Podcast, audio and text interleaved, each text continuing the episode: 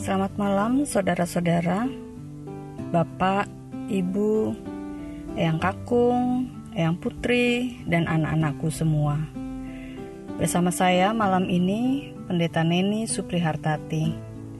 Masih dalam suasana tahun baru, karena hari ini baru hari ketujuh di tahun 2021.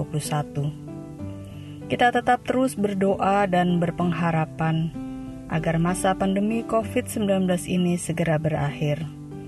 Mari kita pujikan pelengkap Kidung Jemaat 241 bait 1 sebagai ungkapan iman kita bahwa kita tidak tahu akan hari esok, tapi kita tetap tenang menjalani hidup ini dengan langkah tegap karena Yesus beserta kita.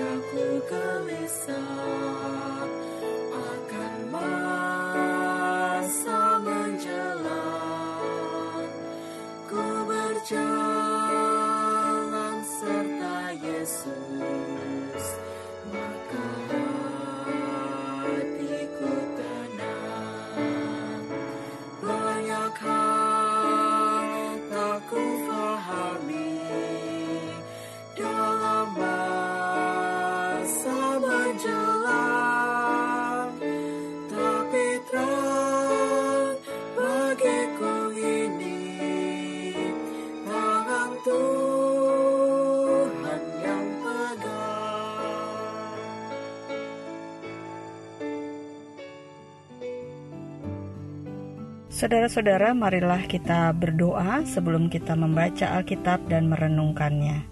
Kita berdoa. Ya Allah, Sang Sabda yang telah menjelma menjadi manusia, kami selalu haus akan sabdamu. Kami tidak pernah jemu untuk mendengar dan merenungkan setiap perkataanmu. Malam ini, kami menyatukan hati bersama-sama dengan semua umatmu yang malam ini telah siap untuk mendengar dan merenungkan firman-Mu. Berikanlah hati yang bersih dan pikiran yang jernih, sehingga hanya suaramu yang kami dengar. Amin.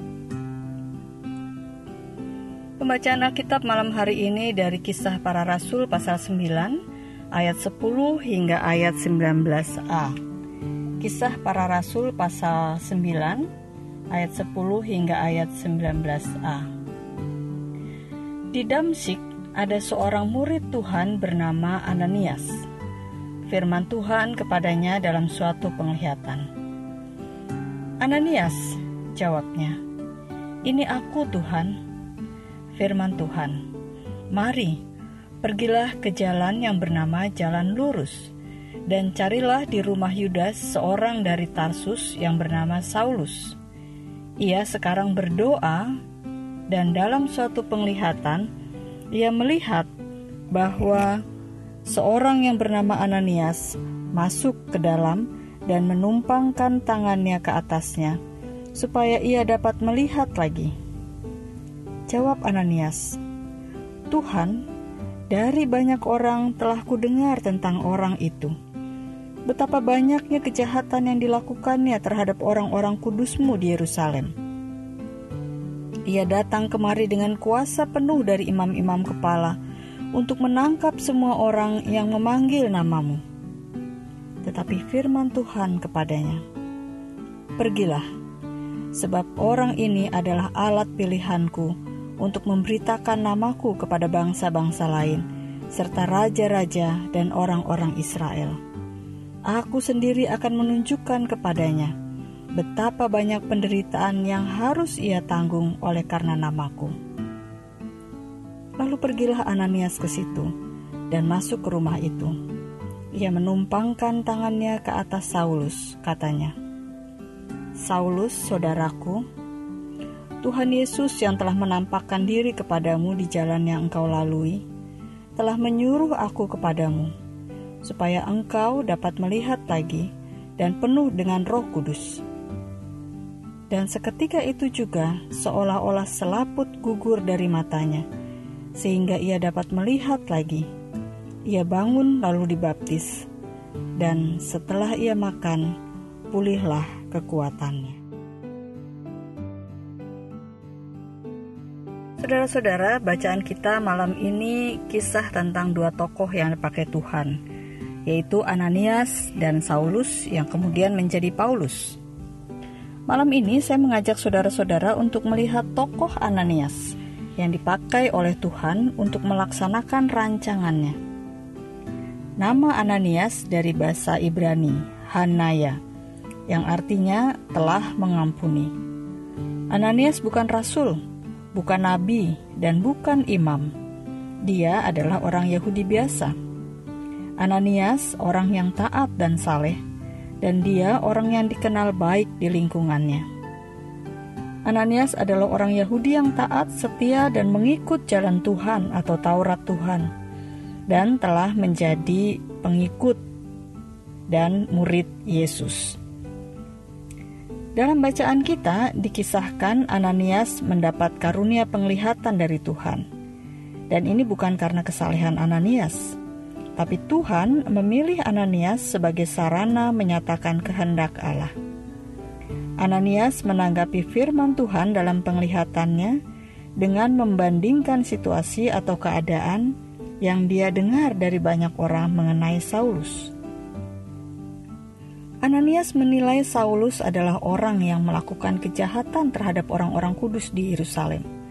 Dan ia tahu bahwa Saulus mendapat kuasa penuh dari para imam kepala datang ke Damsik untuk menangkap orang-orang yang memanggil nama Yesus. Kisah para Rasul pasal 9 ayat 1 sampai 2 mengatakan bahwa Saulus datang ke Damsik dengan berkobar-kobar untuk mencari dan membunuh para pengikut Yesus. Hal ini menunjukkan Ananias adalah bagian dari orang-orang yang dicari dan hendak dibunuh oleh Saulus. Ananias bertanya-tanya dalam dirinya, apakah Tuhan tidak salah memberi perintah kepadanya? Bagaimana mungkin Tuhan memberi perintah kepada Ananias untuk datang kepada Saulus? Apakah Tuhan ingin Ananias ditangkap dan dibunuh oleh Saulus? Meskipun diliputi oleh pertanyaan-pertanyaan dan ancaman penderitaan, bahkan kemungkinan akan berhadapan dengan ancaman maut, tetapi Ananias tetap melakukan apa yang menjadi perintah Tuhan kepadanya. Ananias menerima dan mematuhi perintah Tuhan karena janji Tuhan telah menjawab keraguan dan ketakutan Ananias. Tuhan katakan bahwa Saulus yang kemudian menjadi Paulus akan menjadi alat pilihan bagi Allah untuk memberitakan nama Allah di dalam nama Yesus. Tuhan akan memakai Saulus untuk melaksanakan pelayanan khusus kepada bangsa-bangsa serta kepada raja-raja dan orang-orang Israel. Tuhan tidak menjamin keselamatan bagi Ananias ketika nanti bertemu dengan Saulus tapi Tuhan menjamin bahwa orang yang akan ditemui Ananias adalah orang yang dipilih Tuhan untuk memberitakan nama Yesus dan yang akan mengalami penderitaan karena namanya. Tentu perkataan Tuhan mengejutkan Ananias. Bagaimana mungkin Saulus, seorang yang jahat dan pembunuh kejam, dipakai oleh Tuhan sebagai alatnya? Bukankah seharusnya Ananias, orang yang taat kepada Tuhan, yang menjadi alat Tuhan untuk melaksanakan tugas panggilan itu? Bukanlah seorang penindas yang telah banyak menyiksa dan memenjarakan pengikut Yesus. Pada bagian ini, kedaulatan Tuhan membuat Ananias menerima dan mematuhi perintah Tuhan. Ananias tidak banyak menuntut ini dan itu, tidak khawatir atau ragu. Dalam kedaulatan Tuhan, Ananias yang hanya orang biasa, bukan nabi, bukan rasul, tapi dia adalah bagian dari murid Yesus yang diberi tanggung jawab oleh Tuhan untuk mengurapi seorang yang akan menjadi penginjil namanya. Bukan hanya menumpangkan tangan kepada Saulus, tapi dengan kuasa Tuhan, ia mengurapi Saulus dengan roh kudus. Saulus berangkat ke Damsik dengan hati berkobar-kobar untuk mencari dan membunuh para pengikut Yesus dengan berbekal surat kuasa penuh dari imam-imam kepala. Ananias pun berangkat ke jalan lurus dengan hati berdebar-debar untuk menemui dan mengurapi Saulus dengan berbekal kuasa penuh dari Tuhan yang menyertai melalui Roh Kudus. Kita adalah Ananias-Ananias masa kini yang juga diutus Tuhan Mungkin kita juga dipenuhi dengan pertanyaan-pertanyaan yang membuat kita ragu untuk menerima dan mematuhi perintah Tuhan. Malam ini kita diajak untuk siap menerima dan mematuhi perintah Tuhan, ke mana pun kita diutus, kepada orang jahat, orang yang membenci kita, orang yang disingkirkan oleh masyarakat, orang miskin dan hina, atau kepada siapa pun karena kita tidak tahu rancangan Tuhan. Tidak mustahil Tuhan memakai orang-orang yang kita datangi dan berkati menjadi alatnya untuk menyampaikan kabar sukacita. Amin. Kita berdoa menaikkan doa Bapa kami dalam nyanyian.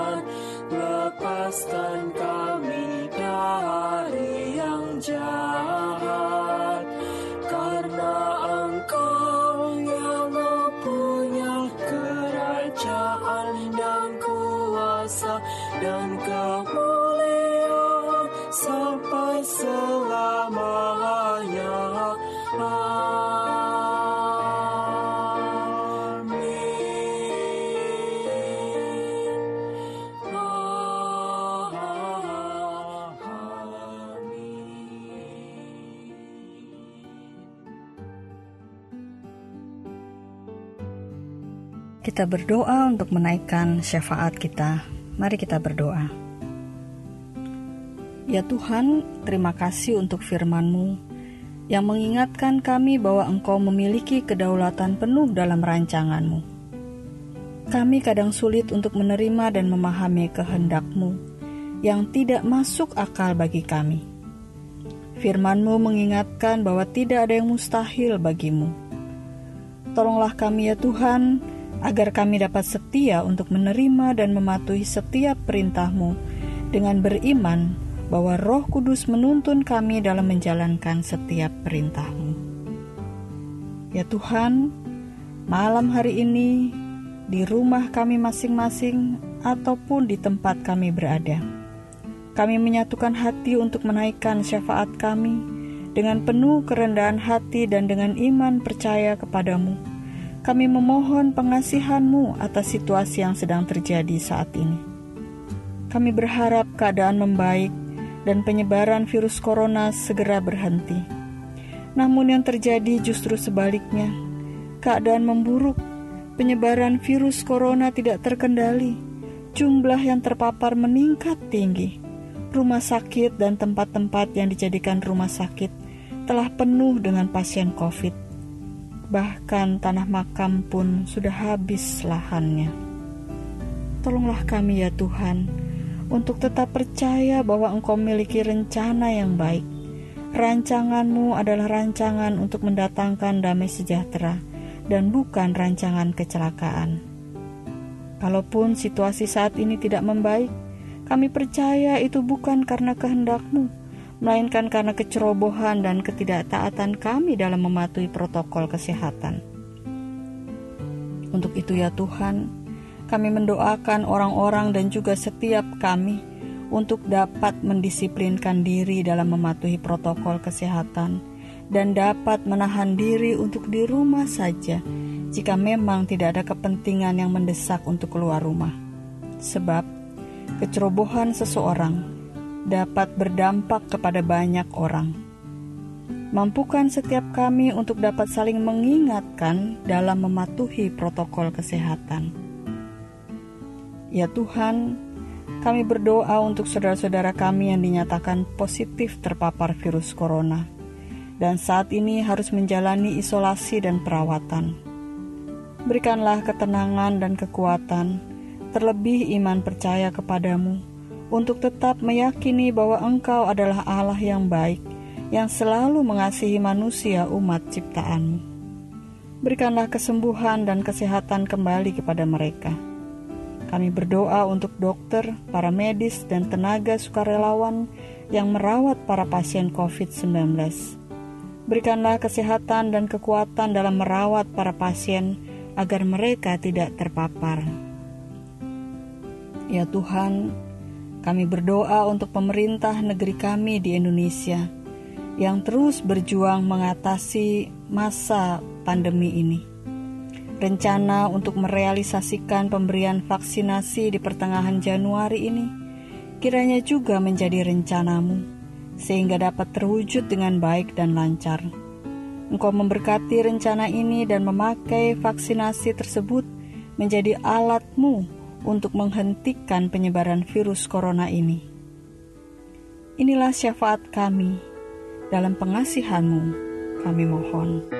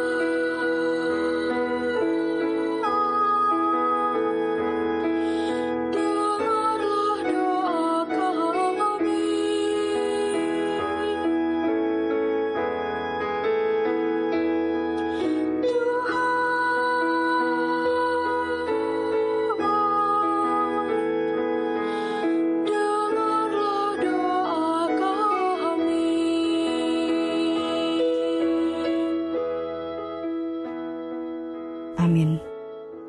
Kembali kita pujikan nama Tuhan dari pelengkap kini jemaat 241 bait 3. Tak ku tahu kan hari esok.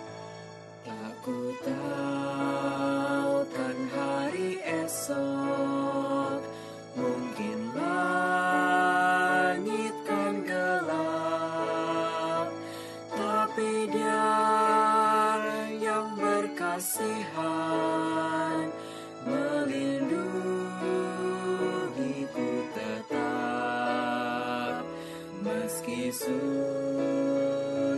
perjalanan gelombang dunia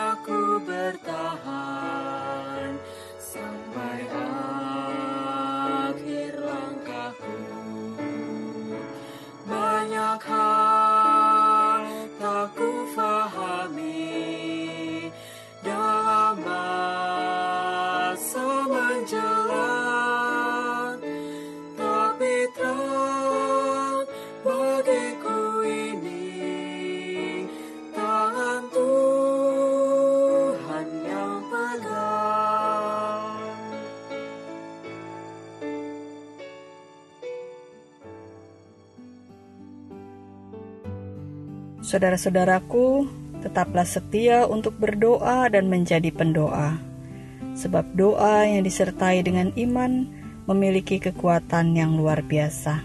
Selamat malam, selamat beristirahat. Tuhan menjaga kita semua.